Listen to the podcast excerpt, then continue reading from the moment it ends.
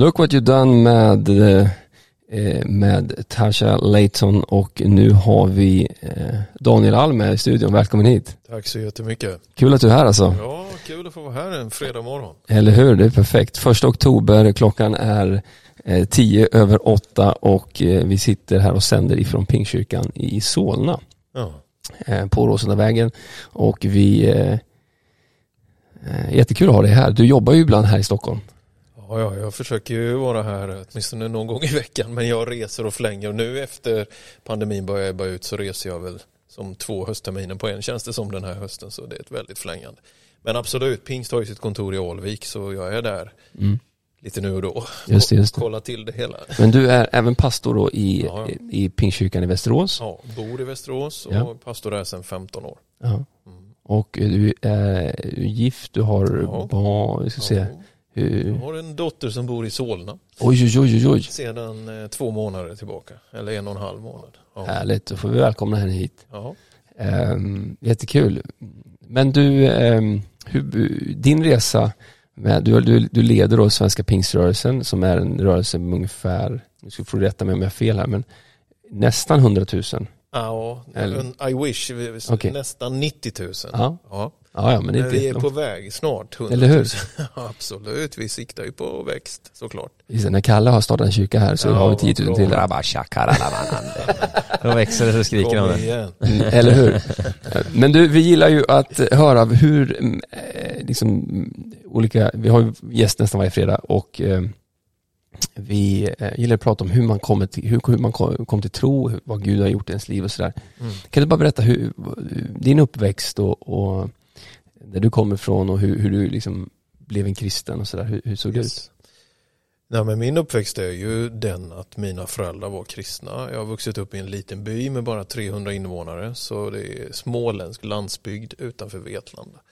Och det fanns en församling och sådär. Så jag absolut, jag har ju en sån här på så sätt frikyrkoklassisk uppväxt med hobbygrupper och söndagsskola och där kyrkan var en naturlig del. När jag var 14 år tog jag ett eget beslut att följa Jesus. Så att jag har ju aldrig vuxit upp i en miljö där man är kollektivansluten eller där någon tvingar på en sin tro. Det var, det var ju såklart stark formering kan man ju säga att vi, liksom, vi gick ju till Philadelphia som kyrkan hette men jag har ändå aldrig upplevt att jag varit tvingad till någonting av steg att be eller tro eller sådär. Så att jag fattade ett eget beslut eh, som 14-åring och blev döpt då också och eh, ja, på den vägen är det väl och, så det är klart att jag har väldigt mycket med mig av min uppväxt men det är väl en del av vårt sätt att definiera kristendomen också. Liksom att det ska inte vara faktiskt på mina föräldrars tro utan det är den egna tron som måste få växa fram. Så, så jag blev döpt 1985, då var jag 14 år gammal så jag är född eh, 71 då. Just det. Och, och eh, just det här i den egna upplevelsen, eh, kommer du ihåg när du liksom mötte Gud, för, eller när du upplevde Gud?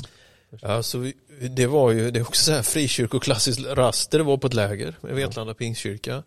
Vi var någonstans och åkte skidor då och ja, det blev en väckelse på det där läget kan man säga. Så att när kvällssamlingen var slut så var alla ungdomarna kvar. Vi, ja, man bad och sen bad vi, bad i timmar och till slut var vi tvungna att säga till oss, nej ni måste gå och lägga er också. Det skedde någonting där och i den miljön liksom, så tar man ju jag tror ju på väckelsemötet, liksom. jag tror ju på miljön också, att det, det stimulerar någonting. Sen måste man vara noggrann med integriteten så att människor får ta sina egna beslut, men i den miljön. Och det där var verkligen en sån miljö.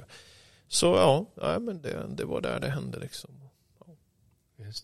Och där var du 14 år. Eh, Ja. Det är coolt alltså. Och jag, vi är ju båda ungdomspastorer här. Eh, Kalle och, jag, vi har ju liksom varit ungdomspastorer ett gäng år och vi har ju sett väldigt många ungdomar möta Gud liksom. Mm. Och det är ju bland det bästa som finns. Alltså.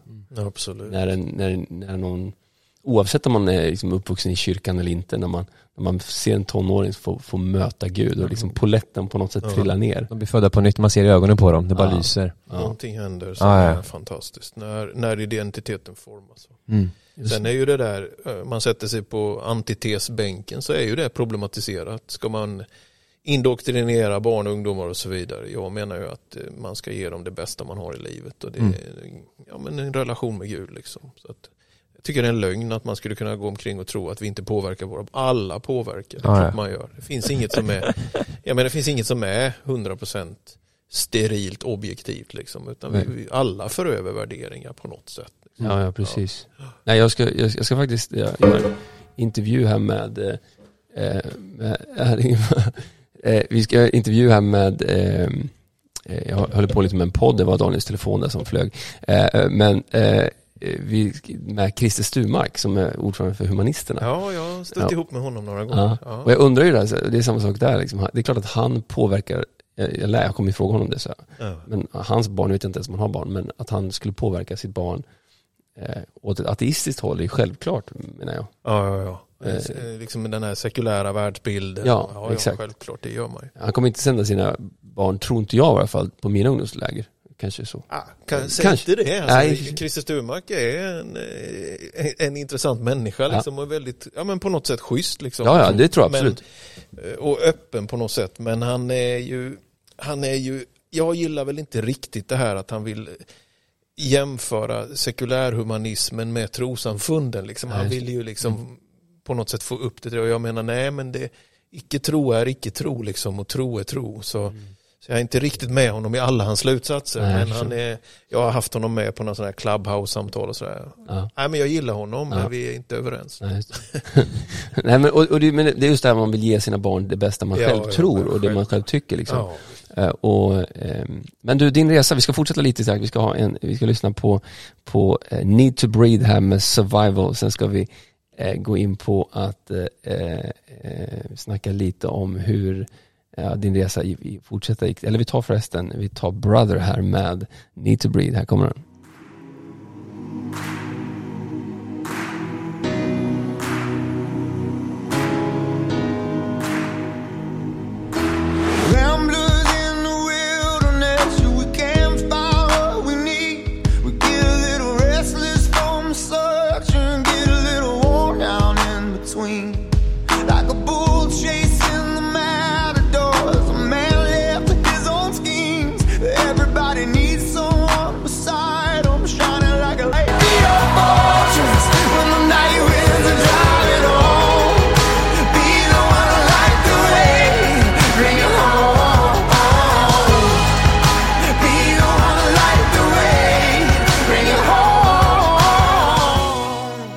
Det var Brother med Need to Breathe och i studion har vi en Brother, eh, eller hur det Kalle? En annan småländsk broder.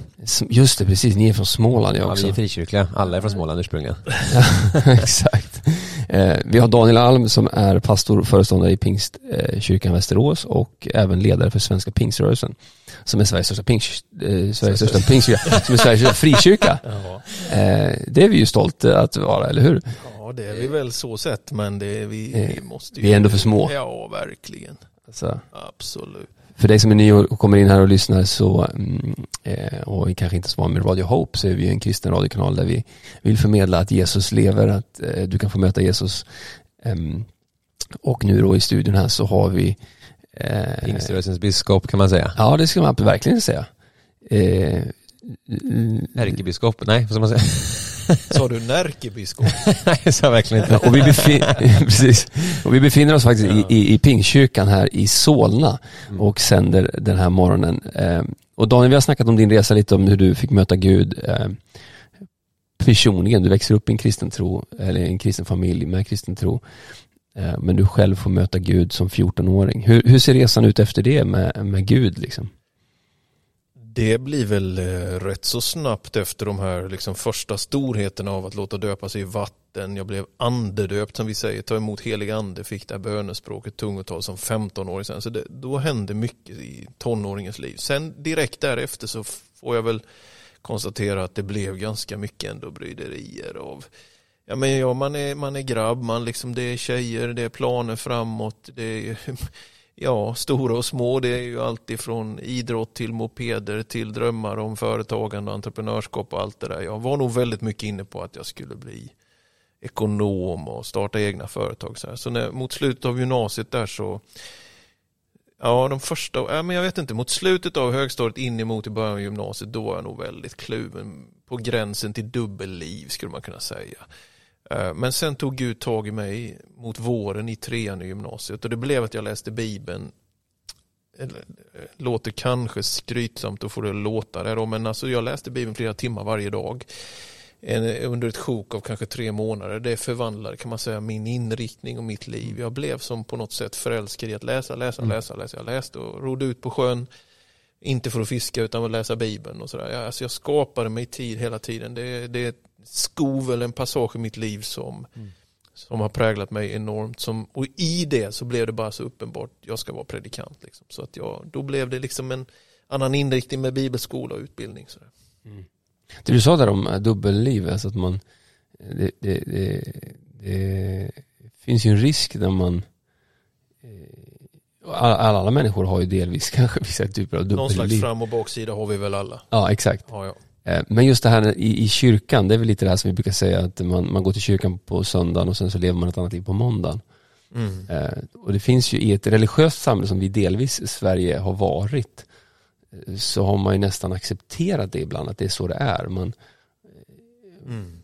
och, och som jag själv, jag är ju också uppvuxen i kyrkan och jag vet att när man då står där och inte riktigt vet kanske man tvivlar liksom och vet inte riktigt vilket ben man ska ställa sig på så, finns det, så blir det väldigt lätt att, att leva ett dubbelliv. Att vissa dagar passar det bättre att stå på ena benet och vissa andra dagar passar det bättre att stå på det andra. Mm.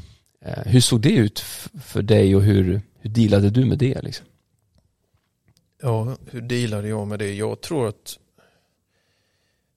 ja, men jag tror kanske inte så väldigt mycket på sådana här prioriteringslistor som är punkt ett i mitt liv är Gud, punkt två är familjen, punkt tre är jobbet eller vad det nu skulle kunna vara för prio. Jag har alltid, det har alltid varit något inom mig som värjer sig mot den typen av prio. Tills jag på något sätt mer börjar tänka som att det måste utgå från att det finns en Gud. Och det får påverka ekonomi, relationer, prioritering, att Gud är med i allt liksom. Och, jag har väl vant mig vid den här tanken med att helig ande, Guds närvaro är både liksom hjälp och sändning, själavård, mission. Om man ska använda for, alltså att han, han styrker mig i det som är pinsamt och skämmigt i mitt liv och ändå samma heliga ande sänder mig till jordens yttersta gräns. Så jag har på något sätt försonats med att ja, men Gud, Gud vet allt. Han vet när tanken slinter och när det går snett. Men det betyder inte att det är kört utan det betyder att han vill hjälpa mig vidare. Han vill hjälpa mig ur det där för han har syfte med mitt liv. Liksom att det här med uppdrag och, och helande är på något sätt två sidor av samma mynt. Va? Mm. Och att försonas med den tanken att nej det är inte perfekt, det går att hitta skavanker eh, också nu på mig. Eh, men, men riktningen är, viljan är eh, en annan än att liksom leva ett dubbelliv. Liksom så. Så, så jag tror dock att det, transparens, ärlighet inför Gud, inför människor gör att det faktiskt, då handlar det inte om ett dubbelliv utan då är det mer att man är ärlig med, ja, men jag, jag seglar på det här vattnet men jag navigerar efter de stjärnorna. Och jag säger inte att jag är vid stjärnorna men jag, men jag lever ett annat liv idag än vad jag gjorde igår i alla fall, mer en sån, en sån hållning. För det är klart att du vet om man blir donatist, det är ju ett gammalt fint teologbegrepp, då, då annullerar man ju, om, om en präst till exempel i då ett sammanhang hade döpt en massa, säger vi, sen visar sig att den här prästen var lite korrupt själv, ja, då gäller inte de dopen som den prästen hade utfört, för donatismen, nej, då annullerar det för att han själv inte då. Det tror jag ju är en, en total missförståelse av ja, men vad nåden betyder och att Gud använder bräckliga människor liksom och sådär. Mm. Och det ser man ju också i lärjungarnas liv när man kollar Bibeln, att de, Jesus säger ju på dem hela tiden ibland att hur länge ska jag behöva vara hos er och förstår ni inte? Men, men de hade ändå viljan Ja, att ja, följa Jesus liksom. Ja. Eh, och det är väl det någonstans som, eh, och, och, det, och det möter jag ibland också, att folk blir så här, ja men du, du är liksom, eh, för att i det svenska samhället så är det lite så här, men är du kristen då ska du minsann, och sen har man en, då, då ska du minsann så här och, eh, och hur gör du då? Och så kommer man så fråga, men, men då, jag brukar ungefär svara så också, att nej, men mitt liv handlar om att jag, jag, jag, jag följer Jesus, sen är jag långt ifrån perfekt liksom. Ja. Eh, Men jag bestämmer mig för att jag ska gå med, följa Jesus och gå med honom och sådär. Eh, Men i det då, eh, när du började göra det, liksom, vad, vilka, vilka, vilka svårigheter mötte du i det? Liksom, vilka tvivel så här, som tonåring eller som, som äldre tonåring när du för sen så blir du då pastor och sen så nu då är du ledare för svenska pingströrelsen. Eh, hur går man den vä- Ja, vägen? går Om man man den vägen?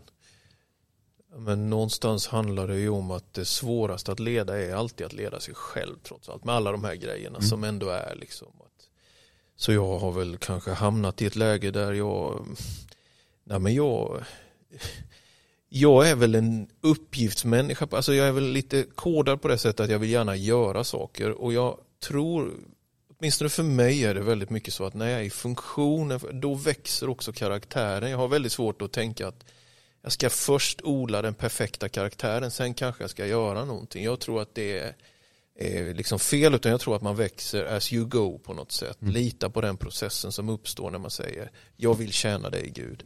Och, och då tar man steg, man misslyckas ibland, man lyckas ibland, men det viktiga är liksom man följer Jesus, man är trogen honom och då Sen eh, uppdrag och så här så är det väl så att jag är väl en ja-sägare. Alltså jag har väl helt enkelt varit en ja-sägare. Jag väl, om folk har sagt kan du göra det här? Då har jag sagt ja, det kan jag. Ja, det. Ja, kan du ta det här programmet? Ja, det kan jag.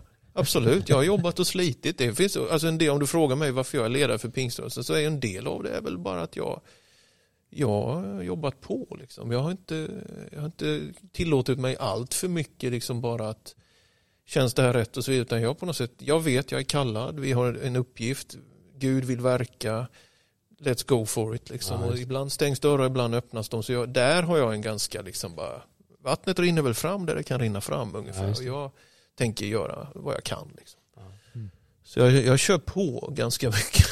Underbart. Ja. När, när, när, när, blev- när blev du pastor, eller när, liksom, när gick du in i tjänst? Om man Alltså säger, jag, blev först var det ju två år då på det vi hade här i Stockholm som heter Brommaskolan. Och där gick jag två år på den, det vi hade av pastorsutbildning då. Det var ganska mycket systematisk teologi även om det inte var på akademisk nivå så var jag, vill jag ändå påstå att det höll liksom rätt så mycket höjd i undervisning och sådär. Sen så var vi som nygifta i Seattle, läste lite på något som heter Seattle Bible College. Det fanns en lite så här svensk koloni där med en svensk-amerikansk pastor som heter Paul Zettersten som har varit min mentor. Han fyllde 99 år här förra veckan. Ja. Eh, Så vi var där. Sen blev det tillbaka till Sverige då. Så jag har haft tre tjänster.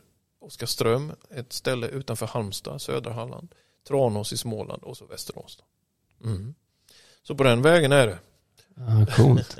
vad, vad skulle du säga är det svåra med att vara en, en ledare och att liksom att leda och att hjälpa människor och Det är, det är att få ihop de tre världarna som jag brukar tänka. Alltså det ena är att du, du är ledare, du är pastor, vilket inte alltid är sak samma i kyrkan. Alltså du vet, att vårda sig om människa, att bry sig om en människa och samtidigt ska du driva en verksamhet.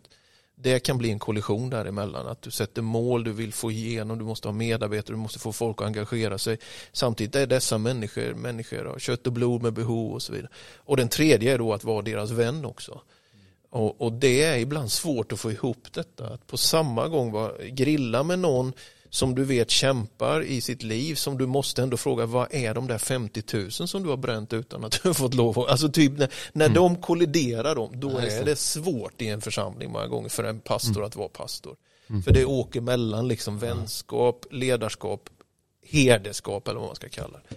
Det tror jag nog alla pastorer känner av att den där är tricky ibland. Man leder både verksamhet och människor. Wow, ja, det där är en bra analys där alltså, eh, verkligen. Eh, Vi är alldeles strax tillbaka här och ska prata mer om detta. Här kommer Hold On Me med Lauren Daigle. When the best of me Det var Lauren Daigle med eh, Hold On To Me och vi har Daniel Alm med oss här i studion. Ehm, vi pratade lite om din resa Daniel och Eh, hur du gick ifrån att möta Jesus som 14-åring och idag så eh, är du pastor, du leder den svenska pingströrelsen och, och, och sådär. Och, ehm, du var inne innan förra och pratade lite om, om din, ehm, alltså du började, du började studera eh, teologi här i Stockholm och sådär.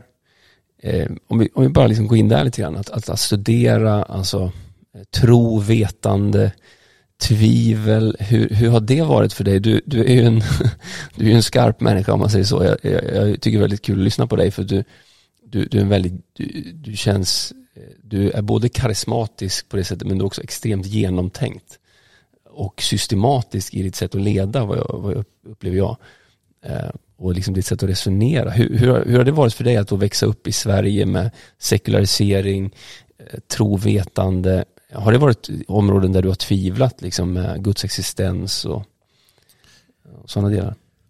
Mm. Nej, alltså tvivla på Guds existens tror jag inte att jag har gjort så mycket. Utan mina tvivel har nog mer varit i relation till, till människan, till oss och vad, vad liksom ibland på ett personligt plan får jag ju erkänna att jag ibland kan hamna i så här melankolis, melankoliska grejer. Liksom att jaha, nu ska vi gå upp en dag till och sen ska vi äta och sen ska vi, alltså ibland kan jag få det här fatig liksom, jaha, det, eh, är det det här liksom som, som jag tror att alla människor av och till känner någon slags trötthet bara i att dra runt en dag eller en vecka. Så det, det ska jag inte förneka att jag också ibland, men då kommer man ofta ändå ja, men man kommer tillbaka liksom till ett, eh, en insikt om att det, nej men Guds skapelse, Guds tanke med oss är större än ja, men det, det, det motiverar att hantera vardagens gråa saker. Då.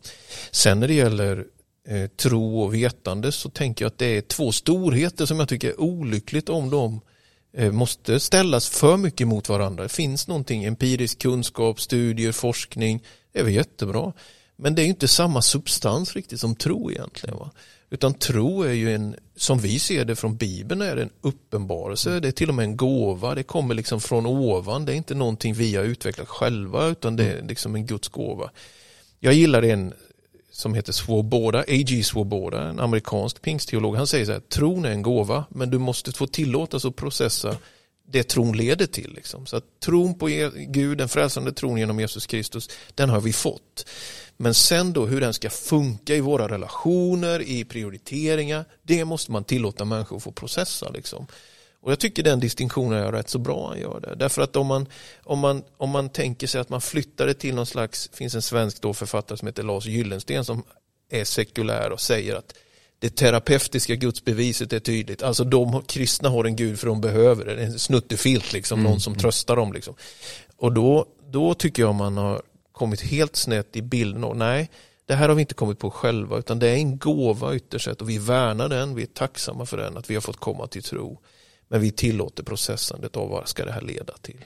Den distinktionen är viktig att göra och där tror jag att jag tror det finns en enorm trötthet i kulturen för att om du bara blir med vetande, bara blir ditt processande så är det, ja, ja, ja, jag fattar inte att människor orkar riktigt den, den livsstil, det egna privata projektet, jag ska fixa allt detta själv. Jag tar ansvar, jag står, alltså jag, jag, jag, jag tänker att det är väldigt få människor som, som omvänder sig till ateism på dödsbädden. Det. Alltså det tror jag, det, sen får han säga vad han vill den här asylum, men det är väldigt få som när man inte kan ta ansvar, när en olycka händer eller någon blir sjuk sådär, när man inte riktigt längre, det här fixar vi inte liksom. Nej. Vad händer då? Och då kan man ju antingen bli bitter och arg eller så är det egentligen tillfälle för typ worship. Ja. Gud, det är bara du som kan hjälpa oss. Liksom. Det är bara, och då är det, vi tillber dig, vi älskar dig, vi sitter i smeten här nu. Räck ut din hand men du är ändå Gud. Liksom. Så. så att jag, nej, jag gillar ju mycket att folk studerar och allt det där. Va? Men, men att upphöja sin, man, det finns en risk att det blir högmod, det blir kaxighet, att man kan eh, kan någonting. Liksom. Det, det kan stå emot en frisk gudsrelation, ver- verkligen. Oj, ja. Ja. Min gamla pastor brukar säga så här, det finns få ateister i en rävsax. Ja, ja. När väl kommer till kritan liksom, ja, så- så, så, Då ber alla. Ja, det är så. Eh, och ja, Jo, precis, och det är just där man sa, så här, vi vill ju hjälpa människor, ni som lyssnar, så här, att, att, att kunna ta det här steget att, så här, att faktiskt, när man ber till Gud, liksom, och att när man har de här frågorna kring, kring livet och kring efter döden och Guds existens, att, och, och vissa av oss, vi har liksom fått möta Gud, vi fick ett, liksom ett, ett och sen vissa får närma sig Gud genom att man till exempel då studerar, man, man läser om, om skapelseteorin till exempel. Och, ehm, och, och där känns ju du en sån som verkligen kan möta upp till kamp där. För ibland så kan jag tycka att kyrkan ibland inte riktigt, eh, vi liksom bara kör, men vi ber för dig och så får du uppleva det. så- precis. så. Det är bara hjärtat Ja. men hjärnan glöms bort. Exakt. Ja, ja, ja. Och det tror jag ibland vi måste också upp till kamp lite så. Alltså. Mm. Eh, och, och där känns ju du som en sån som, eh, du, du, du viker ju inte ner dig för det liksom, på något sätt. Jag tycker det, det är väldigt intressant att, att, att höra dig för att Eh, du, du eh, har, har det varit en egen process i dig, liksom, att du har själv varit tvungen att så här, eh, komma i, liksom så här, vad, vad tror jag eller vad, ja. Mm. Nej, men jag har nog alltid haft någon slags dragning till att läsa helt enkelt. Jag, är, jag tycker det är intressant med sån, alltså allt ifrån årsredovisningar till poesi till teologi eller olika. Jag, jag har alltid tyckt om att försöka, man kan lära sig något nytt varje dag. Och, sådär. och eh, det tror jag är, är någonting som jag har haft med mig. Sen har jag alltid tyckt att man måste Ja men sitter jag här och håller i en mugg med kaffe då. Det är klart att det, det vi vill åt är kaffet, det organiska. Man är hyfsat ändå tacksam för att det finns en mugg och liksom slippa ha det i händerna. Va? Och den or, organism, organisation, kopplingen.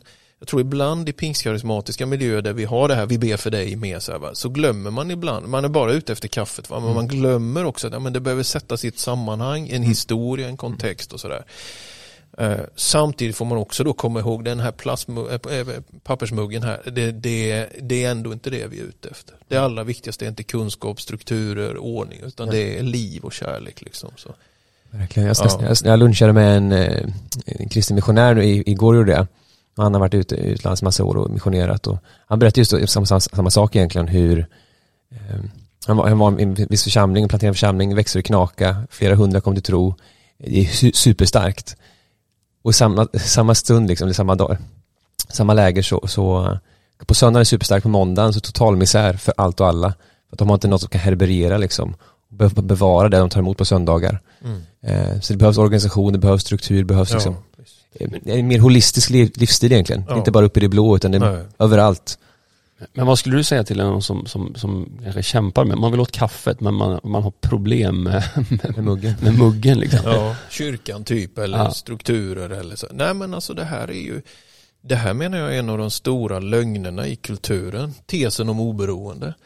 Eh, Du vet eh, de här två forskarna på Ersta Sköndal hög, högskola, Henrik Berggren, Lars Trägård, va? The Swedish Theory of Love. De definierar ju den som att du och jag, vi ska vara oberoende av varandra och vi väljer när vi går in i en relation eller ett sammanhang och vi gör det på våra villkor. Vi ser till att vi har så mycket pengar och styrka så att vi när vi vill går ur den relationen. Det är en villkorad kärlek, villkorad relation.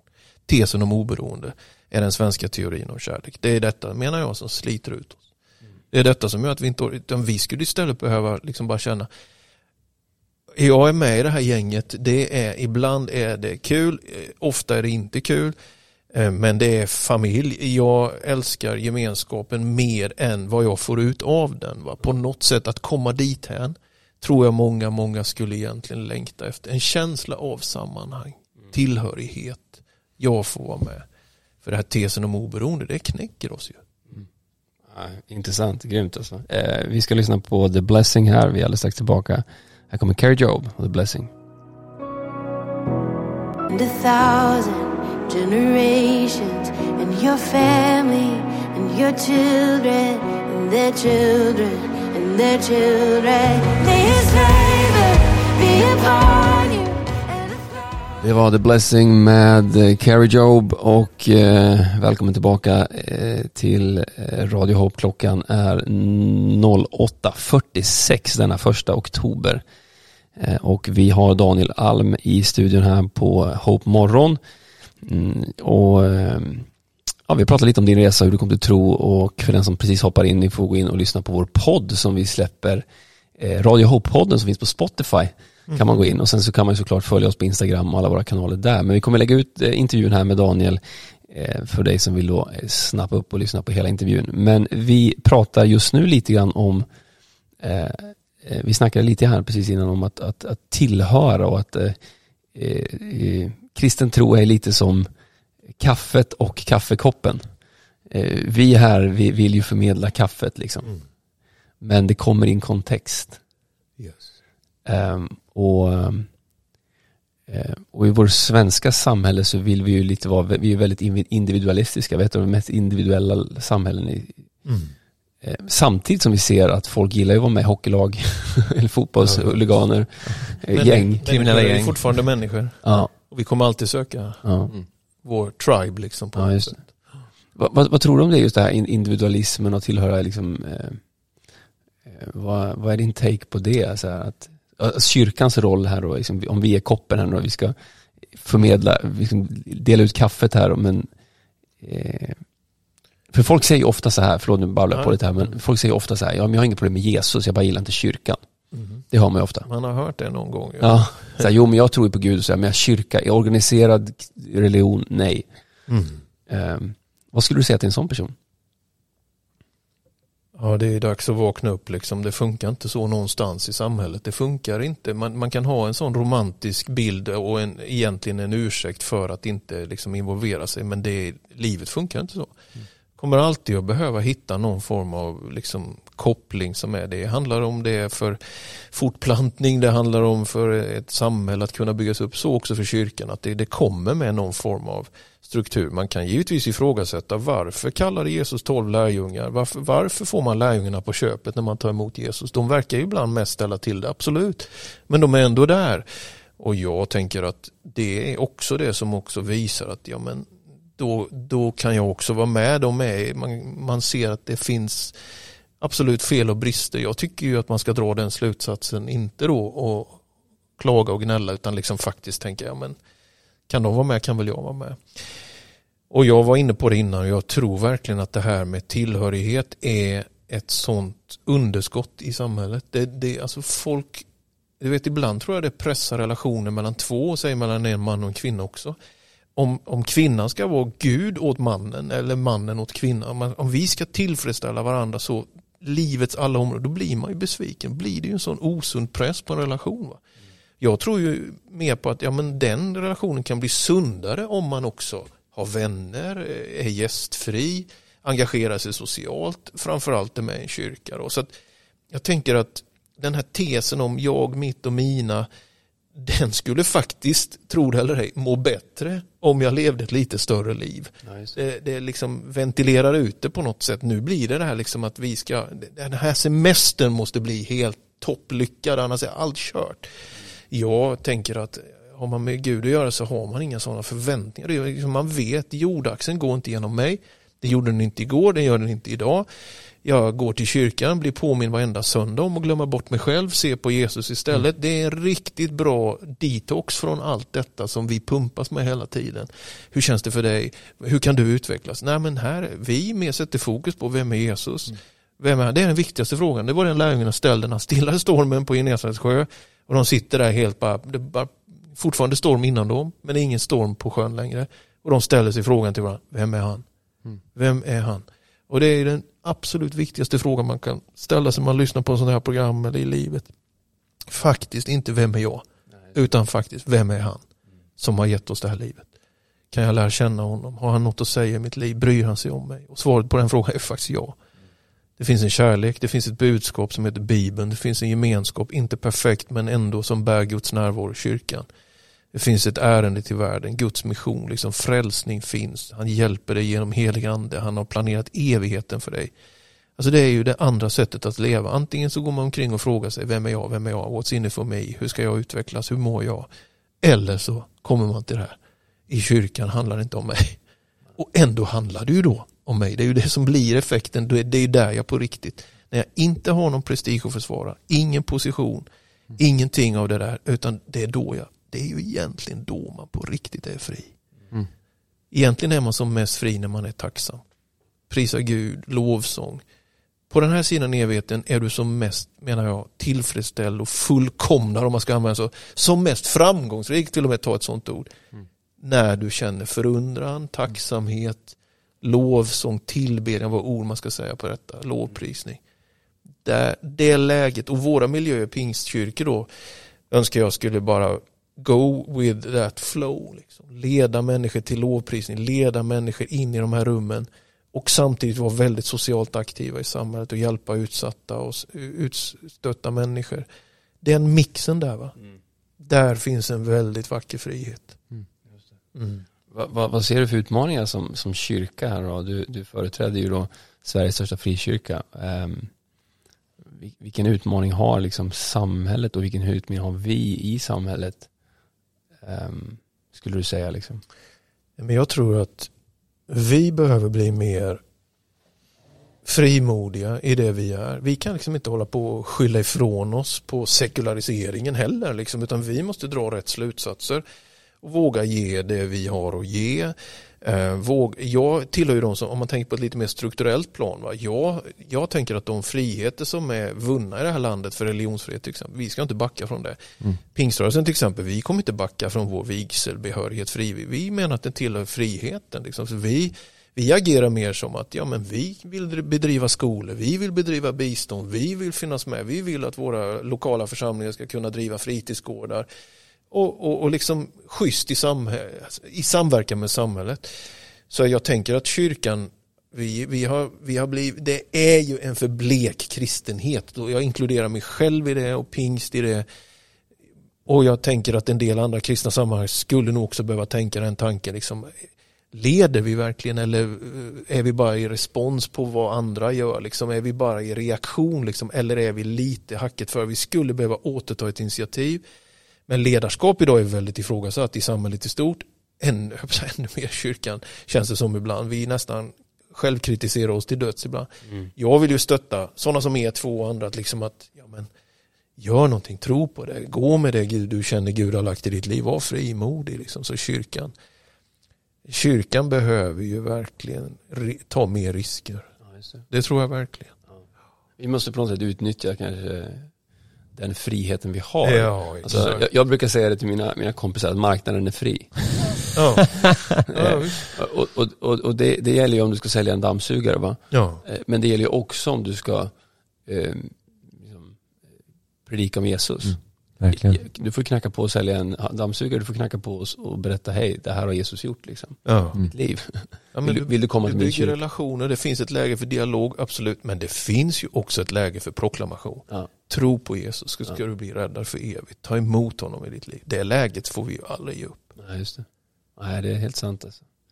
Ehm, Mm. Just att kunna ta det här initiativet och börja springa någonstans, att göra det. eh, Det tror jag är riktigt viktigt. Alltså. Ehm, hur ser du då liksom på de som, den som sitter här och lyssnar och kanske är ganska, man, man, är, man är kristen kanske, man, man tror på Gud, man säger så här, hur, hur ska jag kunna ta ett initiativ? Vad skulle du säga till en sån person? Ja, jag, jag tror att eh, de flesta pastorer och församlingsledare de skulle med glädje möta dig när du säger finns det något jag kan hjälpa till med? Alltså att man gör sig tillgänglig, att man på något sätt hör av sig och säger ja, jag, kan, jag skulle kunna tänka mig att hjälpa till med något. Finns det någonting? Och så kanske det börjar i någonting sånt. Samtidigt som man kan ha egna visioner och drömmar. Jag skulle vilja göra det här, det är ju helt okej att säga det också. Men jag tror på den mixen på något sätt att att för i en gemenskap är man ju inte helt själv heller. Va? Ska det funka måste man ju också vara beredd och ja, men vad ser ni att jag skulle behöva göra? Jag brinner för det här, jag tror jag kan bidra med det här. Den mixen, och gör man sig tillgänglig på det sättet då, då finns det till, möjligheter i en församling. Om man däremot kommer, "Nej, det ska exakt vara på my way or the highway, ja, ja men då blir det det här soloprojektet, då äter sig individualismen in i, i den liksom, kristna tanken också faktiskt. Så att man, jag tror att en hållning av, ja, men jag vill vara med, jag vill ställa upp, jag vill hjälpa till, jag vill göra något för andra. Det, det är en bra grundplatta. Va? Ska inte ta ut det personliga initiativet för vi behöver sen då, då, då ska man gensvara med som pastor, är en pastor klok i det här läget, då säger man ju till dig Kalle eller till dig Josef, vi tror, att det, vi tror inte att det bästa är att du tar den då. Du ska springa med det Gud har lagt i ditt. Är man klok i det läget så klart att man ger i det fält där det finns en gåva och en talang. Mm. Men jag tror att den, den ömsesidigheten faktiskt är, den är bra den, den behöver man. Vi behöver träna oss i detta. Jag menar, jag har ju spelat fotboll, jag har spelat pingis, jag har suttit i omklädningsrum, jag har hört eh, tränaren liksom byta spelare in och ut och man har fått både ris och ros liksom sådär va, för sin prestation. Absolut, och det svider ju. Det svider ju alltid ibland, men den kalibreringen är ju tycker jag människor är alldeles för känslig för. Och jag tycker man behöver en positiv sån i kyrkan också. Att, jag menar om någon säger till mig Uh, eller om jag skulle få för mig att jag skulle söka en tjänst som säg sjukhuspastor, där behöver man ha väldigt mycket lyssnande hjärta, orka se människor i ögonen, vara med dem genom alltså, här typisk själavård. Det, alltså, det är inte en lämplig uppgift för mig. Det, det, någon behöver ju säga till mig, Daniel du ska inte vara sjukhuspastor. Om jag skulle få för mig den tanken. Då behöver jag höra det. Ja. Och då behöver man just det här Då behöver jag ju sammanhanget som du. Liksom, Ja. att, ja, men du, du har andra. Du ska driva ledarutveckling, du ska satsa projekt, du ska vara med och resa upp nya satsningar. Ba, ba, ba, ba, ba. Ja. Det är ju inte, så, det är inte mer märkvärdigt än så, men det, ibland är det ömma tår i kyrkvärlden. ibland känns det som det är ännu mer ömma tår i den här världen. Ja, så kan det nog vara faktiskt. Men, och, men, och det, men det är väl också dit man kommer om vi knyter an till det du sa innan, att du har ju kommit dit du är idag för att du bara sa ja, du är en ja-sägare. ja. Du bara, ja men jag har varit, och det är någonstans det som blir när, när du kommer in i ett sammanhang och säger så vad kan jag göra? Och säger, ja, kan du göra det här? Och, så, och då leder ju det, och ens gåva hjälper ju en någonstans framåt och, och där lär man ju sig också Ja. extremt mycket. Och då växer du med det. Ja. Ja. Och sen så eh, ja, kan det hända massa spännande grejer. Men du Daniel, vi är jätteglada att du ville vara med oss den här morgonen. Klockan är två minuter i nio och vi ska alldeles strax sluta. Vi vill säga till er lyssnare att eh, eh, ni kan gå in på podden och lyssna på hela samtalet här med Daniel Alm som är eh, föreståndare för pingströrelsen här i Sverige och pastor i pingstkyrkan i Västerås och eh, gillar även att spela paddel. Eh, Så bara för den sakens skull skulle du kunna gå och lyssna på honom. För att han är en smart människa som spelar padel. Eh, viktiga grejer i livet. Eh, nej, men jättestort tack att du ville vara med oss och eh, eh, ni lyssnare, välkommen tillbaka till nästa, eh, nästa vecka. Eh, på måndag kör vi igång igen. Jag och Kalle är tillbaka på fredag. Och Kalle är glad som vanligt. Och han har fortfarande inte lärt sig dricka kaffe, men jag jobbar på det. Så eh, Gud välsigne dig, ha en bra helg, njut av, av väder och vind och så kan du väl hjälpa mig att be för att Djurgården vinner mot AIK. I Jesu namn. I Jesu namn. Här kommer Nobody Like You. Ha en fantastiskt bra helg. Here we go.